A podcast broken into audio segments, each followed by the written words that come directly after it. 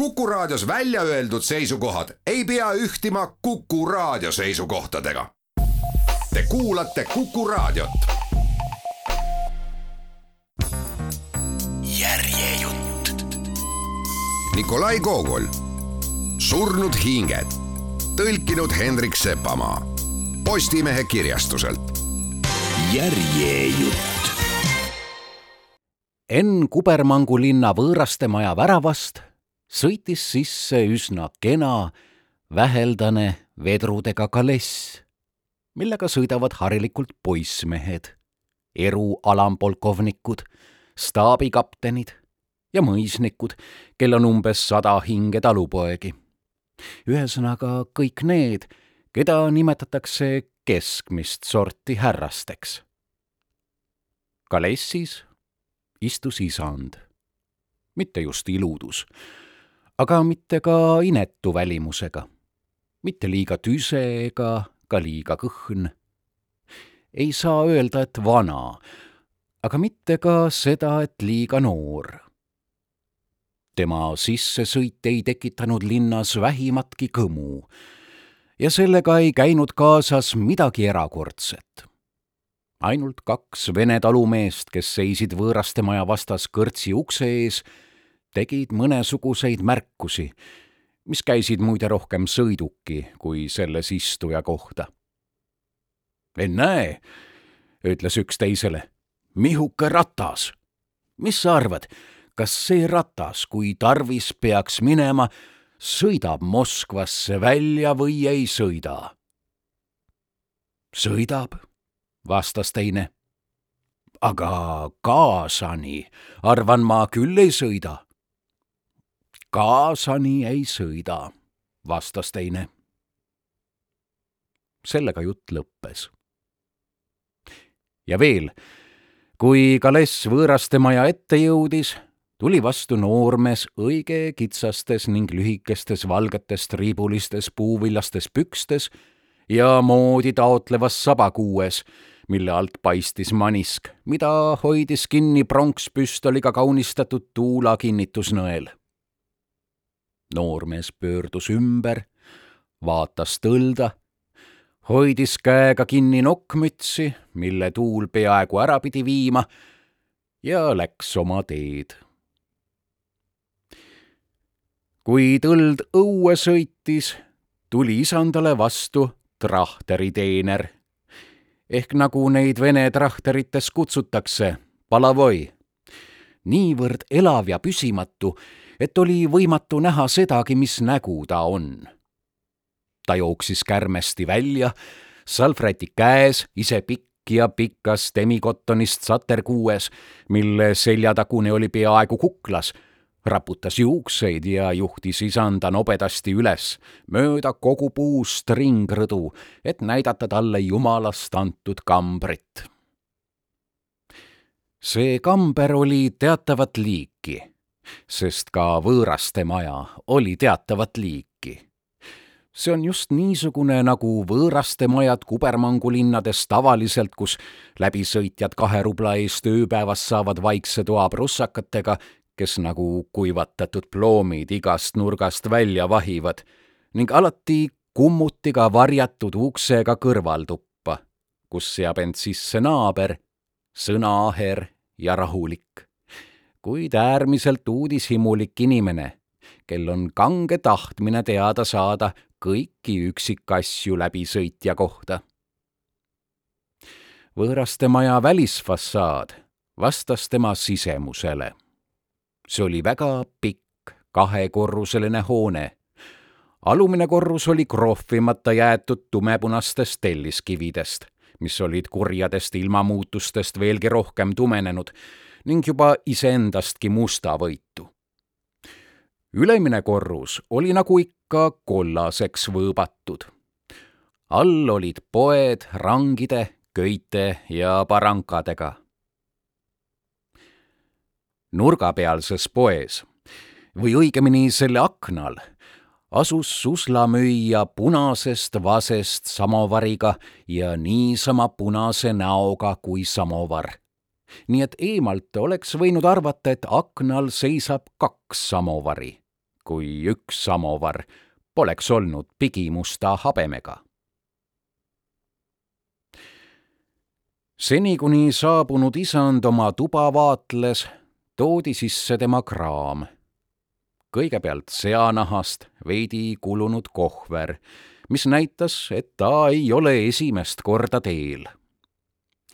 Kohvri kandsid sisse kutsar Selifan, lühike mees lambanahkses kasukas ja toapoiss Petruška, pealtnäha pisut karmi näoga, väga paksude huulte ja ninaga umbes kolmekümneaastane mees laias kantud saterkuues, mis nähtavasti härra seljast pärit oli.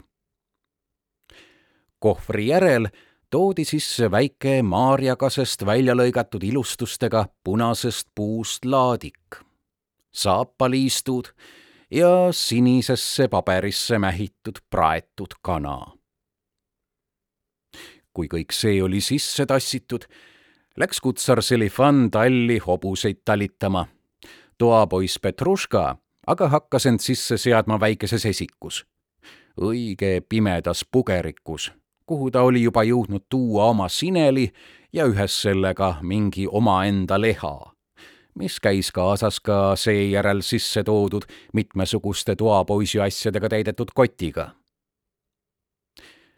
selles pugerikus seadis ta seina äärde kitsa kolmejalgse sängi, kattes selle väikese madratsitaolise esemega, mida tal oli õnnestunud võõraste maja peremehelt välja nuruda ja mis oli magatud kõvaks ning lamedaks nagu pannkook. ja oli vist ka niisama rasvane kui pannkook seniks, kuni teenrid õiendasid ja askeldasid, läks isand üldsaali. missugused on tavaliselt need üldsaalid, teab iga läbisõitja väga hästi. samad õlivärviga ülevõõbatud seinad, ülalt mustunud piibusuitsust ja alt kõiksugu läbisõitjate, veel rohkem aga kohalike kaupmeeste selgadest läikima hõõrutud sest kaupmehed käisid siin turupäevadel kuue-seitsmekesi oma tuntud paari klaasi teed joomas.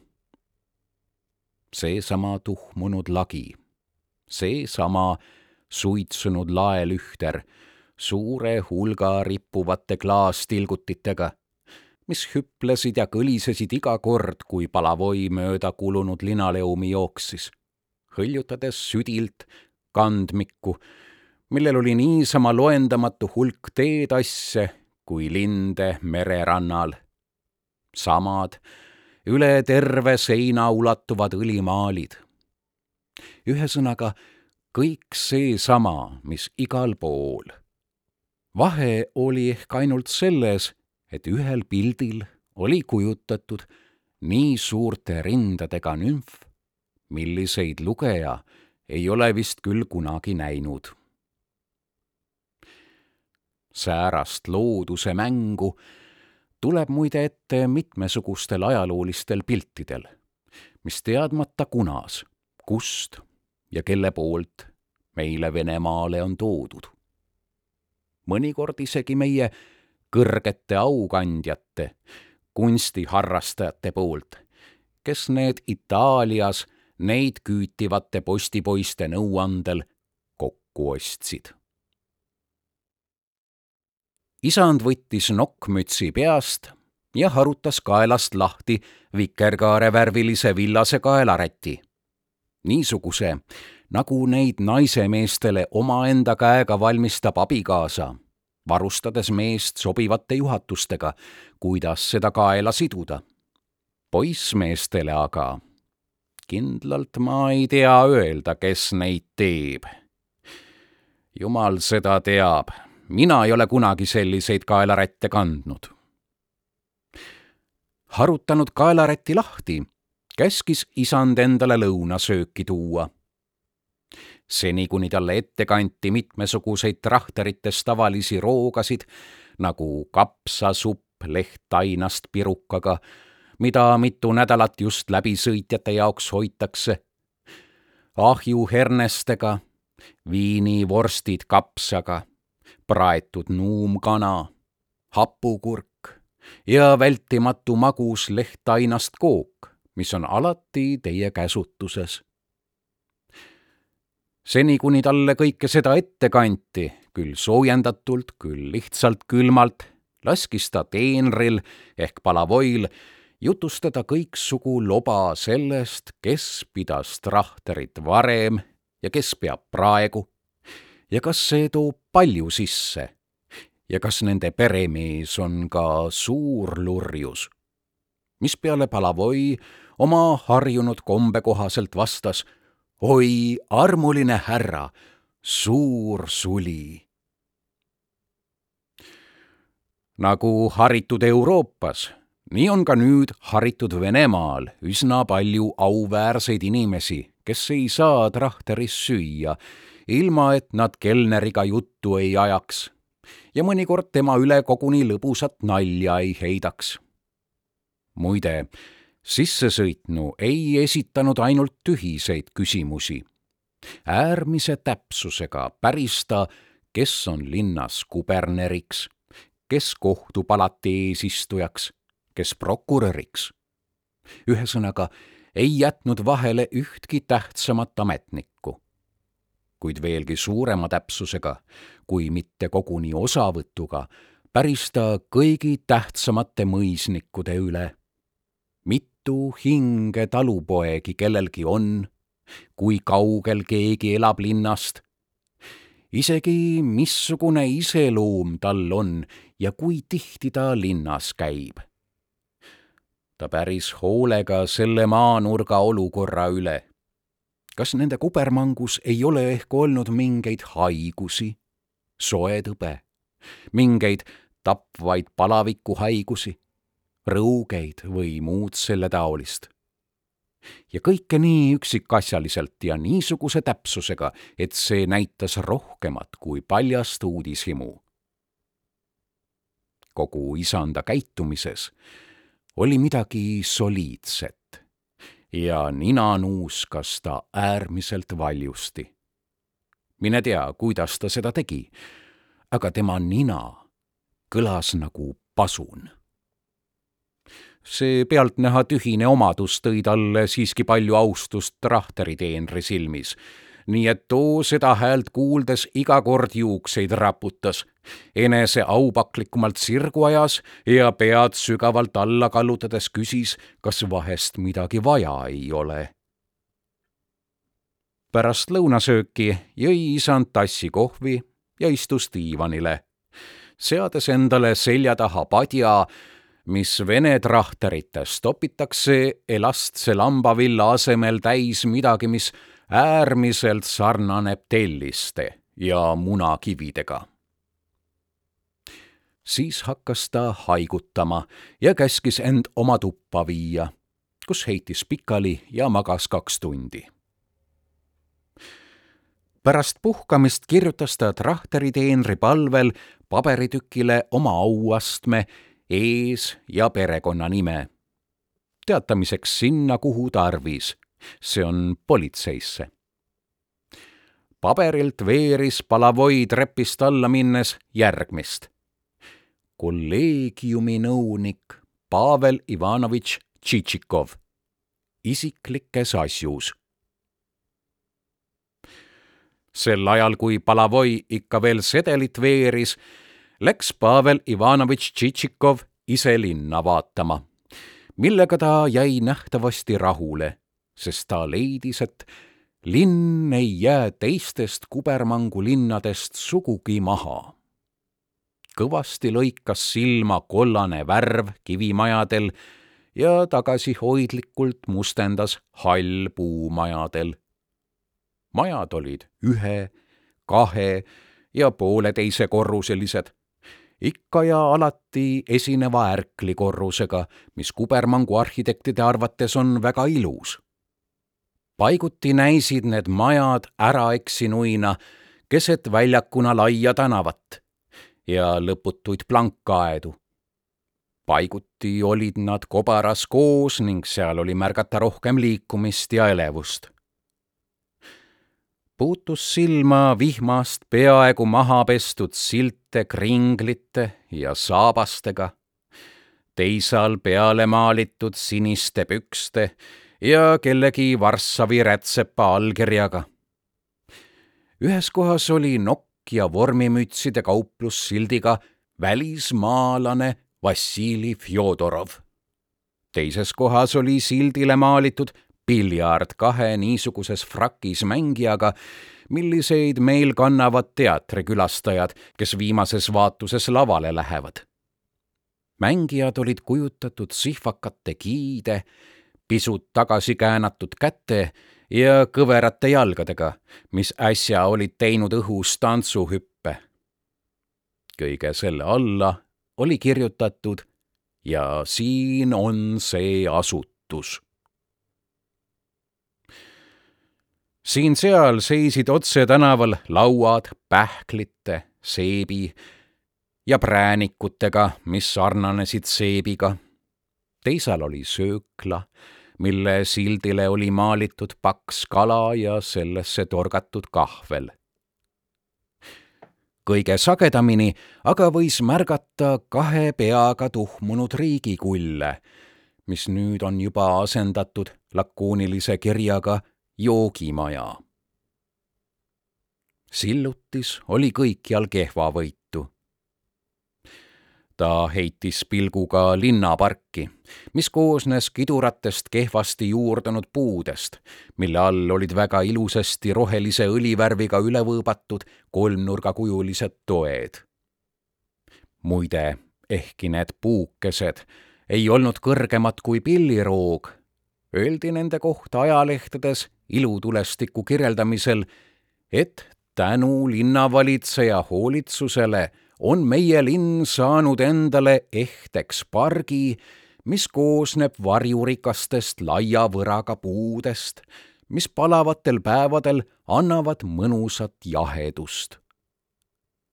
ja et seejuures oli väga liigutav näha, kuidas kodanikkude südamed ülevoolavast tänutundest värisesid ja tänutäheks härra linnaülemale rohkesti pisaraid voolas.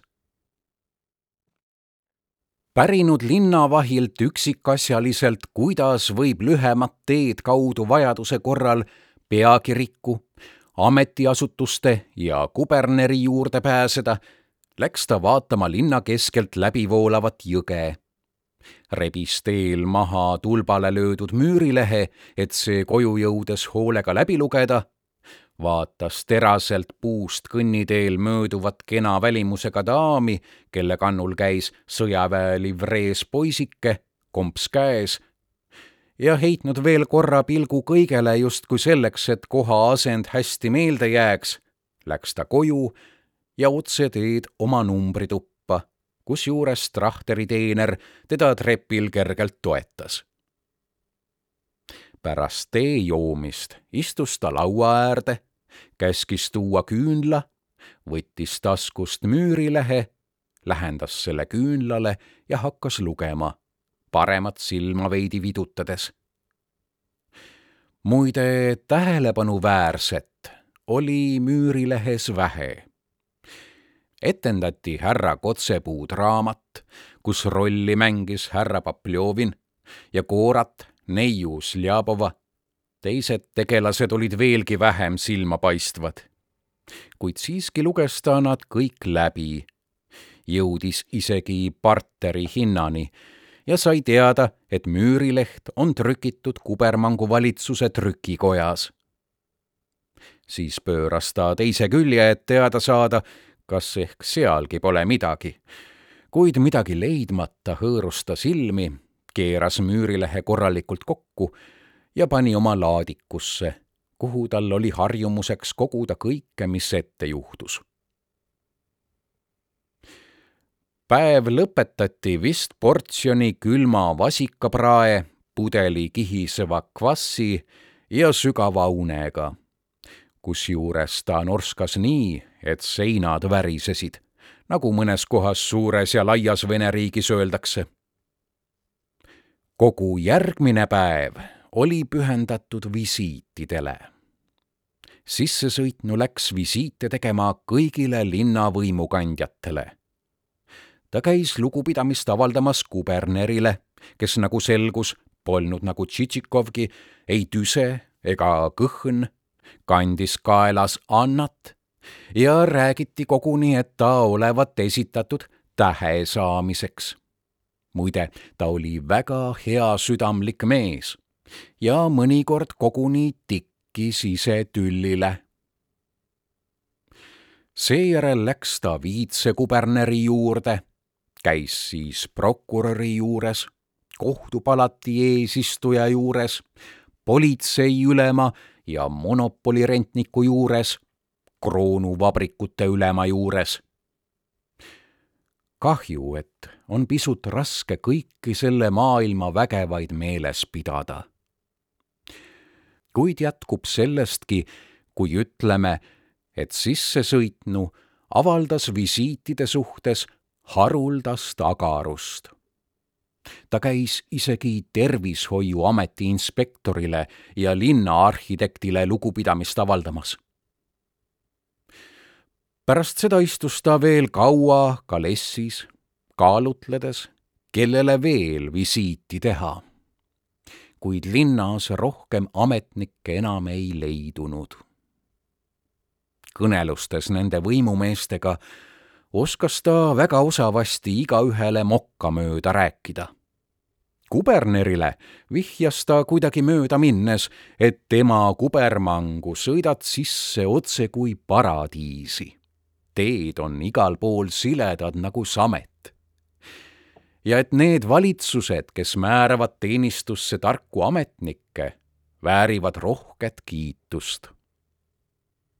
politseiülemale ütles ta midagi väga meeldivat linnavahtide kohta ning kõneluses viitsekuberneri ja kohtupalati eesistujaga, kes olid alles riiginõunikud, ütles ta eksikombel kaks korda koguni Teie ekstsellents, mis neile väga meeldis. selle tulemuseks oli, et kuberner kutsus ta veel samaks päevaks enda juurde kodusele peoõhtule ja ka teised ametnikud omalt poolt, kes lõunasöögile, kes Bostoni partiile, kes teed jooma. Endast hoidus sissesõitnu, nagu näis, palju kõnelemast aga kui rääkis, siis mingites üldistes fraasides, märgatava tagasihoidlikkusega. ja tema jutt võttis säärastel kordadel veidi raamatuliku iseloomu. et ta on tähtsusetu ussike selles sinatses maailmas ega ole väärt, et temast palju hoolitaks. et ta on oma eluajal palju häda näinud on teenistuse ajal tõe ja õiguse eest kannatada saanud, et tal on olnud palju vaenlasi, kes oma käe isegi tema elu järele on sirutanud. ja et nüüd lõpuks, igatsedes rahu, otsib ta endale sobivat kohta elamiseks ning et siia linna saabudes pidas ta oma tingimatuks kohuseks selle esimestele aukandjatele lugupidamist avaldada see on kõik, mis linnas sellest uuest isikust, kes ei jätnud kasutamata juhust end õige pea kuberneri peoõhtul näidata, teada saadi. selleks peoõhtuks ettevalmistamisele kulus üle kahe tunni ja siin näitas sissesõitnu tualeti vastu üles niisugust tähelepanelikkust, mille taolist ei näe sugugi mitte igal pool pärast lühikest lõunauinakut käskis ta endale pesuvett tuua ja hõõrus seebiga haruldaselt kaua mõlemat põske, punnitades neid seestpoolt keelega. siis võttis ta trahteriteenri õlalt käterätiku ja kuivatas sellega igast küljest oma täidlast nägu, alates kõrvade tagant ja aevastades enne paar korda trahteriteenrile otse näkku seejärel pani ta peegli ees maniski kaela, kitkus ära kaks ninast välja ulatuvat karva ja vahetult pärast seda oligi tal seljas sädelev palukavärvi sabakuub. olles niiviisi riietunud, vurast oma tõllas mööda lõpmata laiu tänavaid, mida kasinalt valgustasid siin-seal vilksavatest akendest paistvad tulukesed. Muide, kuberneri maja oli valgustatud otse kui pallipuhuks. laternatega kalessid, trepi ees kaks sandarmit, taamal eesratsutajate hõiked. ühesõnaga kõik nii, nagu vaja.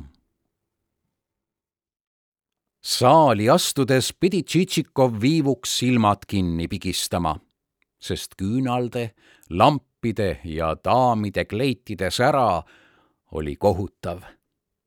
kõik uppus valgusesse mustad sabakuued vilksatasid ja hõljusid siin ja seal üksikult ning kobaras, nagu lendlevad kärbsed kuumal juulipäeval valgel säraval rafinaadil, kui vana Virtin seda avatud akna all lõhub ja kiiskavateks tükkideks jaotab. tema ümber kogunenud lapsed vaatavad hoolega pealt jälgides uudishimulikult tema karedate, vasarat tõstvate käte liigutusi. kärbeste õhueskadronid aga lendavad kergest tuulest kantuna julgesti sisse nagu täielikud peremehed ning kasutades vanaide viletsat nägemist ja tema silmi pimestavat päikest, laskuvad magusatele suhkrutükkidele, küll üksikult, küll tihedas kobaras täis söödetud külluslikku suvepoolt, mis selletagi igal sammul maiusroogasid pakub, ei tulnud nad sugugi mitte sööma, vaid ainult selleks, et ennast näidata. Suhkruhunnikul edasi-tagasi kõndida, tagumisi või esijalgu teineteise vastu hõõruda või nendega ennast tiibade alt sügada või mõlema välja sirutatud esijalaga kukla tagant kratsida, ümber pöörduda ja jälle ära lennata ning uute tüütavate eskadronidena jälle tagasi lennata. Tšitšikov ei jõudnud veel ümbergi vaadata, kui kuberner tal juba käe alt kinni haaras ja teda otsekohe kuberneri prouale esitles sisse sõitnud külaline ei teinud siingi endale häbi. ta ütles mingi komplimendi, väga kohase keskmistes aastates mehele, kel pole ei liiga kõrge ega ka mitte liiga madal auaste. Kui moodustunud tantsijate paarid kõik pealtvaatajad seina äärde surusid, silmitses ta neid käed seljal paar minutit väga tähelepanelikult paljud daamid olid riietatud hästi ja moe järgi. teistel oli seljas, mis Jumal siia kubermangu linna oli saatnud. mehed olid siin nagu kõikjal mujalgi kaht liiki. Ühed kõhnukesed, kes aina keerlesid daamide ümber, mõned neist olid säärased, et neid oli raske eraldada Peterburi omadest Neil olid niisama hoolikalt, läbimõeldult ja maitsekalt soetud põskhabemed või lihtsalt kenad, üpris puhtaks raseeritud näoovaalid. Nad võtsid niisama hooletult daamide juures istet, rääkisid niisamuti prantsuse keelt ja lõbustasid daame samuti kui Peterburiski. teise liigi mehi moodustasid paksud, või samasugused kui Tšitšikov, see on mitte just liiga tüsedad, aga mitte ka kõhnad. Need vastu oksa kõõritasid daamide poole ja taganesid nende eest ning vahtisid aina ringi, kas kuberneri teener ehk kuhugi rohelist lauda visti jaoks ei ole seadnud. näod olid neil täidlased ja ümmargused mõnedel olid koguni soolatüükad. mõni oli ka pisut rõugearmiline. juukseid ei kandnud nad peas ei uhke lakana, edevates lokkides ega ka kurat mind võtku maneeril, nagu ütlevad prantslased. juuksed olid neil kas lühikeseks pöetud või siledaks lakutud. näojooned olid aga rohkem ümarad ja tugevad. Need olid linna auväärsed ametnikud. paraku oskavad paksud oma asju siin maailmas paremini korraldada kui kõhnukesed. Kõhnukesed teenivad rohkem käsundusametnikena või seisavad ainult nimekirjas ja jõlguvad sinna-tänna. Nende olemasolu on kuidagi liiga kerge, õhuline ja täiesti ebakindel. paksud aga ei asu kunagi kahtlastele, vaid ikka kindlatele kohtadele ja kui juba kuhugi istuvad, siis istuvad kindlalt ning tugevasti. nii et ennem praksub ja kooldub koht nende all, aga nemad juba ei lenda. välist hiilgust nad ei armasta. sabakuub nende seljas ei ole nii hea lõikega kui kõhnukestel. see-eest on aga neil aegastes Jumala õnnistus. Kõhnukesele ei jää kolme aasta pärast ainsatki hinge, kes oleks pantimata. paksul aga, näe, on tasapisi kuhugi linna serva tekkinud naise nimele ostetud maja, siis teise serva teine maja, siis linna lähedale väike küla ja siis kirikukülagi kõigega, mis sinna juurde kuulub. ja lõpuks, kui juba küllalt on Jumalat ja keisrit teenitud ning üldine lugupidamine kätte võidetud, lahkub paks ametist, asub mujale elama ja muutub mõisnikuks, tubliks vene mõisahärraks, külalislahkeks peremeheks ning elab ja elab hästi. Pärast teda aga löövad tema kõhnukesed pärijad vene kombe kohaselt tulise kiiruga kogu isa vara jälle läbi. ei saa salata, et umbes sedalaadi mõtisklustega tegeles Tšitšikov, kui ta vaatles seltskonda ja selle tulemuseks oli, et ta liitus viimaks paksudega kelle hulgas kohtas ta peaaegu aina tuttavaid nägusid. Õige mustade paksude kulmudega prokuröri, kes pilgutas pisut vasakut silma, nagu oleks ta öelnud, Läki vennas, teise tuppa, seal ma ütlen sulle midagi. aga muidu oli tõsine ja sõnaaher inimene. politseiülemat, lühikest kasvu meest, aga teravmeelset naljahammast ja filosoofi kohtupalati eesistujat, väga arukat ja lahket isandat. kõik nad tervitasid teda nagu vana tuttavat, mispeale Tšitšikov kummardas. pisut küljetsi küll, aga muidu üsna meeldivalt siinsamas tutvus ta õige aupakliku ning ladusa olekuga mõisniku Maniloviga ja pealtnäha veidi kohmaka Sabakevitšiga, kes kohe esimesel korral talle jala peale astus ja lausus palun vabandust. otsekohe pisteti talle pihku visiitkaart, mille ta samasuguse viisaka kummardusega vastu võttis. Nad istusid rohelise laua äärde ega tõusnud enam enne õhtusööki igasugune jutuajamine vaikis täielikult. nagu alati juhtub, kui viimaks ometi asjaliku tegevuse juurde asutakse.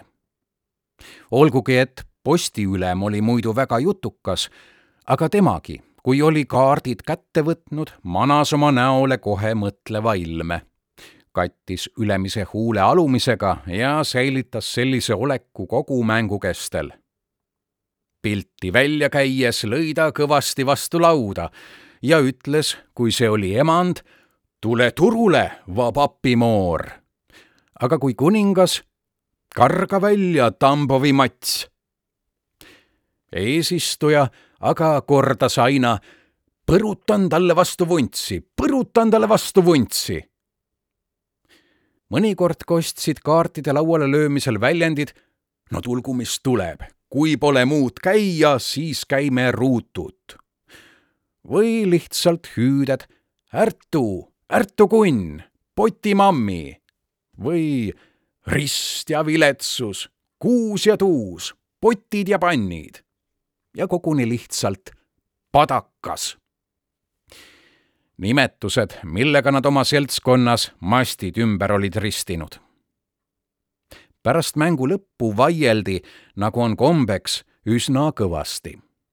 ka meie sisse sõitnud külaline vaidles, aga kuidagi äärmiselt osavasti, nii et kõik nägid, et ta küll vaidleb, aga vaidleb meeldivalt.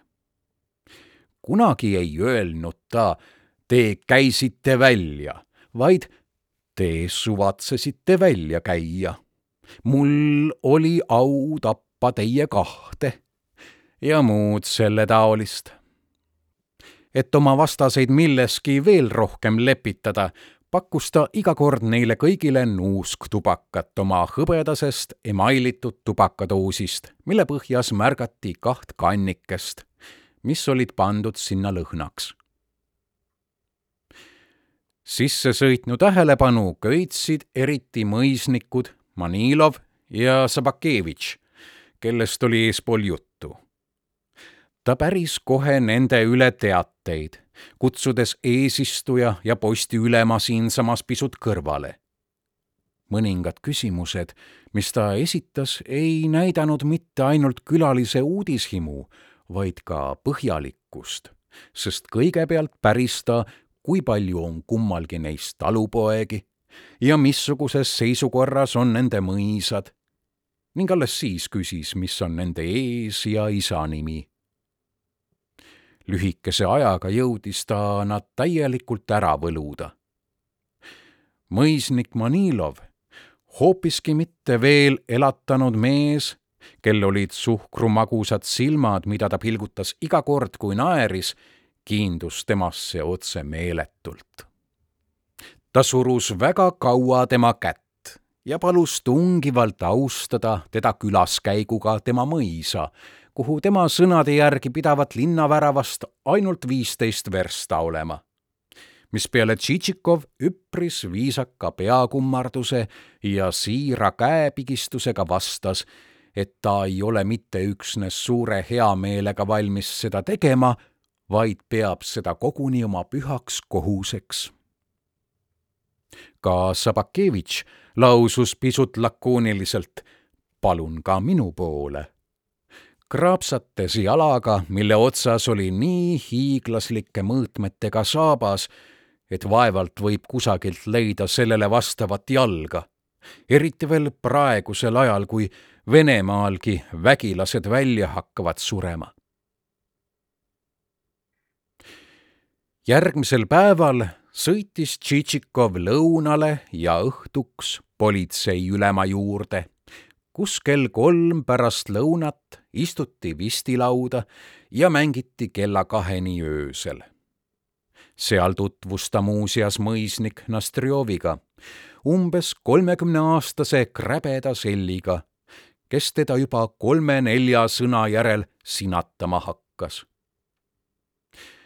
ka politseiülema ja prokuröriga oli Nostrjov sina peal ja kohtles neid sõbramehelikult. aga kui istuti kõrget mängu mängima, vaatasid politseiülem ja prokurör tema tihid äärmiselt tähelepanelikult läbi ja jälgisid peaaegu iga kaarti, mille ta välja käis järgmisel päeval veetis Tšitšikov õhtu kohtupalati eesistuja juures, kes oma külalised, nende hulgas ka kaks mingisugust daami, veidi võidunud hommikukuues vastu võttis.